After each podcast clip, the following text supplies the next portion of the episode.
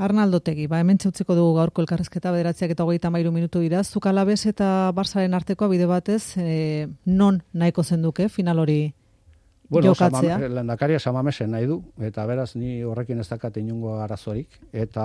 Espainiako errege kopa San Mamesen jokatzearekin ez daukazu zuen. Bueno, e, nik uste dut badagola eztabaide bat horrekin eta da Espainiar errege kopa dela, baina nik uste dut e, kidegoak eta futbolera guazenak egun horretan frogatuko dugula ez dugula asko maite monarkia eta ez dugula maite asko Espainiari e, estaduko partei izatea. Beraz, e, batzutan e, ezkerretik e, askotan planteatzen dira dinamika batzuk, gu batzutan esaten genuen, beraiek jartzen gaituzten epaiketa politika beraien aurkakoa bilakatu ditzazkegu, eta horrela egiten genuen. Eta nik uste hori ere, beraien kontra bilata, bilakatuko ditugula. Eta horrekin gauza bat esan nahi dut.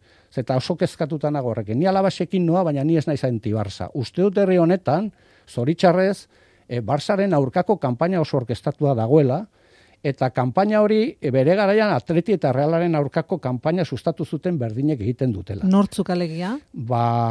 Futbol zalez garen ontzat, futbol, Ba, sektore mediatiko batzuk, eta zoritxarrez ikusten du gure sektore batzuk ere trampa horretan erortzen ari dela.